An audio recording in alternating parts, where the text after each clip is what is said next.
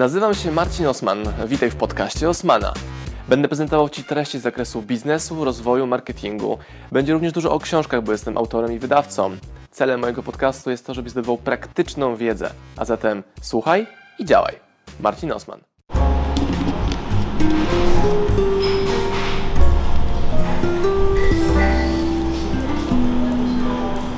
Jak Cię w sumie zapowiedzieć, jak to, to u Ciebie jesteśmy teraz? Gdzie my teraz jesteśmy? I zaraz powiemy, kim jesteś Jesteśmy, y, jesteśmy y, w restauracji Etret, a także pracowni konserw rzemieślniczych. Mm, proszę Czyli Państwa, no, no. obiekt, w którym się znajdujemy, łączy ze sobą w sobie y, zarówno funkcję restauracji, jak i zakładu produkcyjnego i to się nawet fachowo nazywa zakład z podziałem czasu pracy. Wow, czy jakieś podatki, inne opłaty za prąd pewnie, tak? Czy... Nie, odbiory. Okej. E, Grzesiek Kłos, mm, współwłaściciel restauracji Edret i pracownik konserw. Ja, Marcin Osman, powiem Wam, co to w ogóle tu się tutaj przed nami znajduje. Przed nami, za nami, tam z tyłu jest wielka produkcja czegoś, co powstało w czasach pandemii. Grześka możecie znać już z materiałów e, na YouTubie u nas, e, z hali Mirowskiej, restauracji na hali Mirowskiej. Możecie go również znać z naszego live'a, który był 2-3 tygodnie temu na temat tego całego biznesu i w tej serii odcinków o biznesie gastro, o puszkach, o crowdfundingu powyciągam jeszcze więcej dosłownie mięska z Grześka. No dobra, no to tłumacz się Pani o co chodzi, że tutaj ten podział pracy, że tu konserwy, tutaj restauracja, o co chodzi? No, chodzi o to, że w momencie, kiedy przyszła pandemia, zmieniła wszystko. E, Nasz biznes wtedy był. e, e, To jest aż zabawne tak naprawdę w kontekście zrządzenia losu, bo finalizowałem pięciomiesięczne rozmowy inwestycyjne i mieliśmy otwierać dwie kolejne restauracje. Jedną w Warszawie, pi- pierwszą, pierwszą licencyjną też we Wrocławiu. I ostatnią taką finałową rozmowę inwestycyjną, czy, czy prawie ostatnią, bo jeszcze później miał wyjść plan inwestycyjny, miałem w poniedziałek. Mm, I już był temat COVID-u.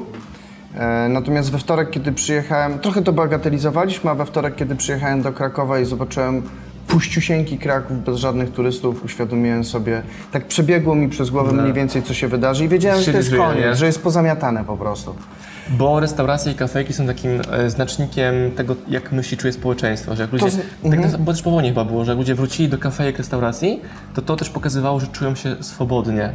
Dobrze myślę, dobrze kombinuję? Jeszcze troszeczkę inaczej. To znaczy, y, restauracje Edred y, są, były restauracjami premium, e, a segment restauracji premium opiera się na takich trzech głównych grupach docelowych. Jedną to jest ten zamożny foodies, drugą jest turysta i trzecią jest biznes. Druga i trzecia grupa w zasadzie się wysypała całkowicie, a ta pierwsza też jest osłabiona w jakimś sensie. Raczej chodzi mniej statystyka, niż więcej ludzi. no. Dokładnie.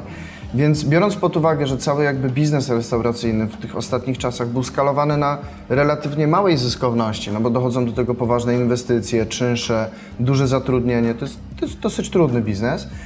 Eee, no to tak naprawdę wiedziałem, że to będzie tak, że będziemy walczyć o przetrwanie. To nie będzie zarabianie pieniędzy, to będzie walka o przetrwanie w tym segmencie. I ty mówisz o czymś, co się działo na przełomie marzec-kwiecień, prawda? Tak, tak. To znaczy, ja wtedy poczułem, że tak to będzie wyglądało. Dosyć szybko sobie to uzmysłowiłem.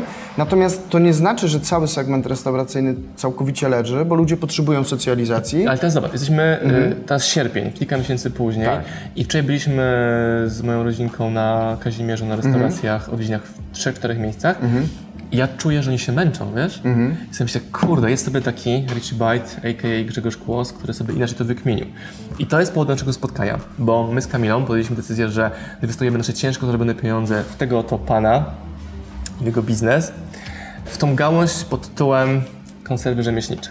I już mam sobie wstęp i zaraz zapytam Grześka o jeszcze więcej konkretów właśnie w tym temacie. E, mogłoby się wydawać, tak powiem trochę za ciebie, bo tak pewnie wielu widzów uważa, że to jest po prostu konserwa. To jest swoje prawdą, no bo na poziomie funkcji jest to konserwa. Ale w środku jest premium danie, tak samo jak premium mięskiem było mięsko serwowane w Edredzie restauracji krakowskiej albo warszawskiej. I teraz, jak my zobaczyliśmy z Kamilą, że ten biznes upada restauracyjny, ludzie się męczą, bo robią albo tylko takeawaye, no bo co innego mogli robić, albo się zamykają, no to szukaliśmy mm, ludzi, którzy w inny sposób myślą. Znaczy, to nas łączy, nie? że myślimy w inny sposób. Tak. I ten wariat z ekipą w czasie pandemii wymyślił sobie, znaczy pewnie wcześniej o tym myślałeś, tylko uruchomiłeś nie, to. Nie, co ciekawe, nie. Nie? nie. Pomysł powstał 2-3 dni po lockdownie. Wow. I oni wymyślili, wdrożyli i skutecznie spreselowali, czy to jest co mi się najbardziej podoba, produkt w postaci konserwy rzemieślniczej. Czy innymi słowy, stworzyliście zestaw 5-6 konserw, tak? 5-6? Teraz jest 5, za 2-3 tygodnie będzie już 8 i cały czas będzie rosnąć. Chcemy mieć duży wybór, chcemy dać naszym klientom. Dobra, no i to jest dla mnie mega fascynujące, że macie umiejętność takiego szybkiego, takiego wiesz, węgorza, który się e, obraca między różnymi branżami i zmieni się całkowicie sposób działania. I to był jeden z ważnych powodów, do którego my podjęliśmy decyzję z Kamilą, że zainwestujemy w wasze akcje, a drugi to ty, że do tego przekonałeś, trzeci to produkt, bo sami to jedliśmy i sobie skumaliśmy, że z tego można zrobić obiad. Nie, że tam jesz widelcem pod namiotem, że też można. Obiad to było takie wow, więc pytanie, czy cały Kraków wie już o tym projekcie, czy jeszcze nie? Nie wiem, czy cały Kraków, e, ale całkiem sporo ludzi chyba wie. To, to dzieje się w ogóle, wiesz, niezwykle szybko. Tak naprawdę, tak jak mówię, pomysł powstał w połowie marca. W ogóle przyszło mi do głowy, że można coś takiego zrobić, że, że konserwa. Też w pierwszym momencie wydawało mi się to absurdalne, bo konserwa nie kojarzyła mi się za dobrze. Ale mówiąc szczerze, zobaczyłem w tym bardziej szansę niż zagrożenie. E, No bo też dzięki temu nikt inny tego nie zrobił wcześniej, a jeżeli jest coś, czego nie ma na rynku, no to mi od razu zaczyna się zaświecać tam ta lampka, że w ogóle wow, to może, to może należy tak, tak to zrobić. Więc działamy bardzo szybko, działamy popełniając błędy z pełną świadomością od początku tego, że te błędy będziemy pope- popełniać, ale na nich się jeszcze szybciej uczymy i idziemy cały Ale czas do przodu. produktowe, procesowe, Wszystkie możliwe. marketingowe? Wszystkie możliwe. To się, za, to się zaczęło tak, że, że w ogóle kiedy pomysł powstał, klepnęliśmy go z moim e, wspólnikiem e, i szefem kuchni, to po prostu kupiłem na Allegro zamykarkę zrobioną na wiertarce i maleńki autoklaw, pojechałem do Krakowa i mówi spróbujmy to, tak? Gdzieś tam w nocy na jakimś forum znalazłem stare przepisy, jak się robi koncert, zacząłem się uczyć tej technologii. Nic o tym nie wiedzieliśmy, kompletnie. Ale po pierwszych próbach w ogóle mieliśmy takie wow. W ogóle ok- okazało się trochę przez przypadek, że to jest bardzo ciekawy, oprócz jakby samego procesu sterylizacji, która ma polegać w takim telegraficznym skrócie na wybiciu drobnoustrojów, dzięki temu jest długi termin ważności. To jest technologia wymyślona ponad 200 lat temu, w zasadzie niezmieniona. Jest bardzo ciekawy efekt, ponieważ gotując, smażąc, piecząc, my tracimy aromaty. A tutaj ta sterylizacja też jest techniką obróbki termicznej, natomiast przez to, że jest szczelnie zamknięte, to ten smak zostaje skondensowany i w ogóle my takie mieliśmy naprawdę wow. Tylko musieliśmy się nauczyć całkowicie nowych receptur, bo nagle ta sama ilość czosnku powodowała, że było to zbyt czosnkowe. Niektóre dania, niektóre surowce jakby źle reagują, więc cały czas szukamy, uczymy się jak zrobić sos. To wszystko trzeba trochę modyfikować. Aczkolwiek faktycznie, no trzy miesiące pracowaliśmy w tajemnicy. Bardzo też zależało nam na tym, żeby konkurencja się nie dowiedziała. I jakby no, decydowaliśmy się na wprowadzanie produktu już w momencie, kiedy faktycznie będzie na naszym standardzie, czyli perfekcyjny.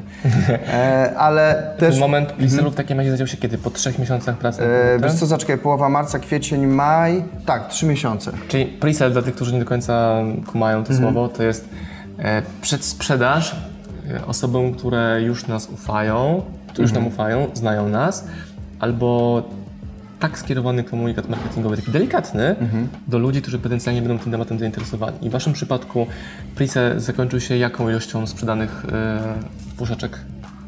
To, żebym nie skłamał, Prisel trwał 10 dni, sprzedaliśmy około 300 osobom, czyli to było jakieś 1500 1500. puszek. Tak. Czyli w ciągu ponad tygodnia 1500 puszek poszło i to jest najlepszy proof, proof of concept, no bo sporo jest startupów, nie widzisz tam jakieś startupy internetowe, które mają ogromne budżety, mają wszystko z wyjątkiem klientów, a to było w drugą stronę. Mega doświadczenie twoje, wspólnika i szefa kuchni, e, innowacja, która wyniknęła stąd, że no nie dało się prowadzić biznesu normalnie, czyli nie ryczymy przez pół roku, tylko przez jeden dzień. E, na pewno było ciężko. I szybkie przebranżowienie. Teraz ktoś ogląda to wideo, myśli sobie, no tam chłopaki konserwy robią. Ale doświadczenie twoje, wspólnika i szefa kuchni, to jest powód, dla którego to wyszło. Nie? To znaczy, mogę powiedzieć tak, od lat prowadziliśmy firmę produkcyjno-usługową, bo tak naprawdę gastronomia ma dział produkcji, czyli kuchnię, dział sprzedaży, czyli salę, ale równocześnie też jest usługą. Bardzo specyficzny, specyficzny twór, że tak powiem, biznesowy. Ale mm, de facto nigdy nie produkowaliśmy produktu takiego stricte do sprzedaży na wynos i nigdy nie działaliśmy w e-commerce. Więc tutaj była trudność, że musieliśmy to ogarnąć niezwykle szybko, dlatego z góry nastawiłem się na to, że będziemy popełniać błędy, żeby nie przesadzić też z ilością wrzucenia tego, no bo im mniej, tym jakby im prościej, tym łatwiej będzie te błędy naprawiać i po kolei się uczyć, a z drugiej strony chcieliśmy jak najszybciej działać, e, no po to, żeby już budować rozpoznawalność, mimo że trafiliśmy jakby w środek sezonu ogórkowego, to i tak nam ta sprzedaż rośnie, e, bardzo dużo się nauczyliśmy i od września będziemy e, działać ze zdecydowanie większą wiedzą, już zaczynamy mieć przygotowane odbioru zakładu e, produkcyjnego, no, no, no, cały czas coś się dzieje, każdego dnia czegoś się uczymy i na przykład okazało się, ale my też na przykład w ogóle nie wiedzieliśmy, czy ilości, które sprzedajemy, to jest dużo czy mało. Do momentu, kiedy shopper do nas się zgłosił y, z mailem, wow, w ogóle jesteście jednym z lepszych... Wiodących w tym miesiącu sprzedaży na przykład sklepu. Z tych, które jakby wystartowały, tak? Więc, więc, więc chyba całkiem nieźle to wychodzi jak na początek. I wy też działacie według tego, co nam jest bardzo bliskie o SM Power i w moim w ogóle życiu, nie tylko biznesowym. Działanie tu i teraz z tym, co masz, E, i robienie tego szybko. Czyli te mikrokroki, turbo szybko i nie szukanie, no dobra, nie mam fabryki, nie mhm. mam czegoś, nie mam czegoś, tylko dobra, co mam tu i teraz, jak mogę to połączyć jako nowy produkt i skrosować to z potrzebą rynku. Mhm. A ta potrzeba rynku jak była sprawdzona? To były wasze hipotezy, że hej, ludzie być może no będą tak, chcieli? tak, tak, tak, tak, tak. To zdecydowanie jakby już była nasza jakby wyobraźnia w kontekście scenariusza wydarzeń wynikających z pandemii, czyli dwa aspekty. Jeden są, czy znaczy nawet trzy. Jedno to jest jakby obawa przez, przed pandemią, e, przed, przed zarażeniem i tak dalej. Drugi to jest jakby czynnik ekonomiczny, czyli jakby to, że nadchodzi kryzys. A trzeci to był chyba najważniejszy element, czyli zmiana nawyków konsumenckich, bo ten okres jest tak dynamicznie, dynamiczny, że ludzie mają dużo większą otwartość na szukanie jakby nowych produktów, nowych rozwiązań. Bo to jest tak jakby ktoś zburzył domek z kart i teraz znowu układamy te karty, tak. albo takie przetasowanie puzli, tak. a mi to się kojarzy z takim filmem o jakimś Indianie Jonesie, gdzie te wszystkie tam zapadki się pozmieniały i ta piramida w zupełnie inny sposób wygląda. A masz takie podobne odczucia?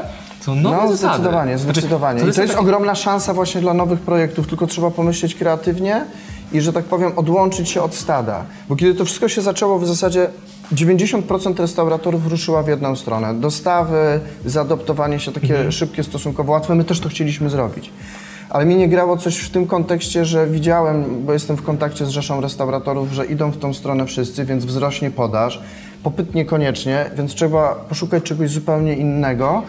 No i gdzieś tam się programowałem, żeby to był przede wszystkim e-commerce bo też wiedziałem, że on w ogóle szybko rósł, a w momencie pandemii było nagle w do góry tak naprawdę i mnóstwo ludzi pierwszy raz dokonało zakupu, a to już jest zmiana w ogóle mentalu, oni, oni, oni wrócą, czy też znaczna część z nich wróci do tego, więc w Ale tym kierunku chciałem Nie wiem, iść. czy wiesz, nas też łączy to, mhm. że ja też wyszedłem z branży usługowej w branżę produktową. Miałem firmę usługową w Krakowie, by the way. Mhm i zamknąłem ją, bo zobaczyłem, że usługi to wymagają ogromnie dużo energii, zaangażowania, a zwrot, czy tam zysk jest niewielki, mhm. czy ogromne nakłady versus mały zysk i chciałem się przebranżowić na produkt.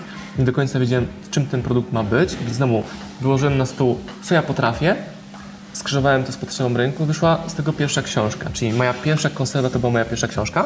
No kilka lat później mam tych książek już mnóstwo mhm. i też pracuję w branży no, produktowej, no bo generuję książkę. Dokładnie. Zajmuję się marketingiem, sprzedażą tego u siebie. Mhm.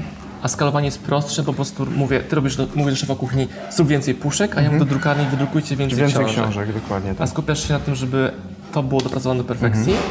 i szukasz, stajesz się bardziej marketerem teraz mhm. internetowym, e, e-commerce'owym niż restauratorem tak naprawdę. Akurat y, u nas to jest tak, że mój wspólnik bierze na siebie mm, sprzedaż i marketing, a ja produkcję i ogólne takie działania wizerunkowe, więc fajnie jesteśmy podzieleni, ale zasadniczo tak. tak? Mhm. Czyli on jest takim behind the scene, ty jesteś frontmanem, twarzą, -hmm. to gdzieś tam miga. Ja nie znam mhm. Pawła -hmm. z internetu, co to hej, konserwa Paweł polecam, tylko znam Ciebie pod różnymi aliasami, ale Ciebie cały czas. Tak, tak. Teraz już konsekwentnie pod imieniem i nazwiskiem własnym.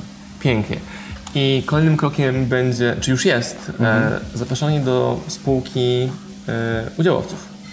Tak, to znaczy to jest rzecz, która w zasadzie wystartowała od razu z tym pomysłem, równolegle. Myślę, że y, z tego co pamiętam, w połowie marca powstał pomysł, dwa tygodnie później rozmawiałem z y, Arkadiuszem Rekcem, y, prezesem Bisfundu o emisji akcji, bo w ogóle z tego co wiedziałem na, na ówczesną chwilę, to sądziłem, że...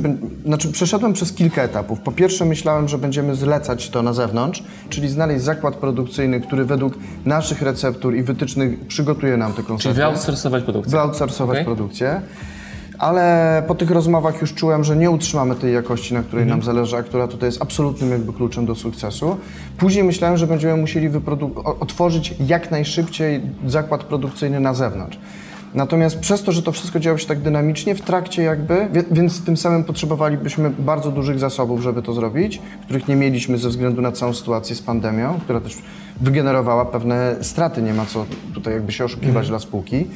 E, Natomiast w trakcie w ogóle tego całego procesu okazało się, że bardzo dużo jesteśmy w stanie wyprodukować na tych zasobach, które posiadamy tutaj, gdzie siedzimy.